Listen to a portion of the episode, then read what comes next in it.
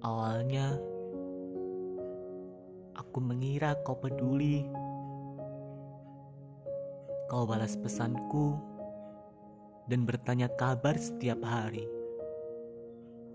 Aku balas cuitanmu dengan senang hati sambil cerita tentang hal nanti.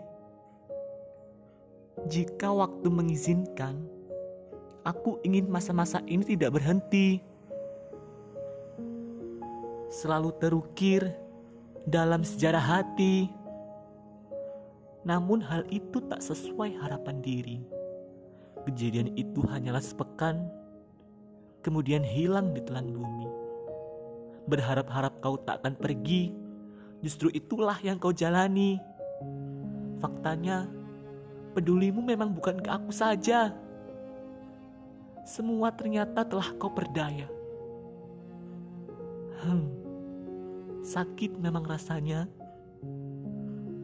Aku harap ini hanyalah sebuah mimpi belaka. Lebih indah lagi, aku bisa lupa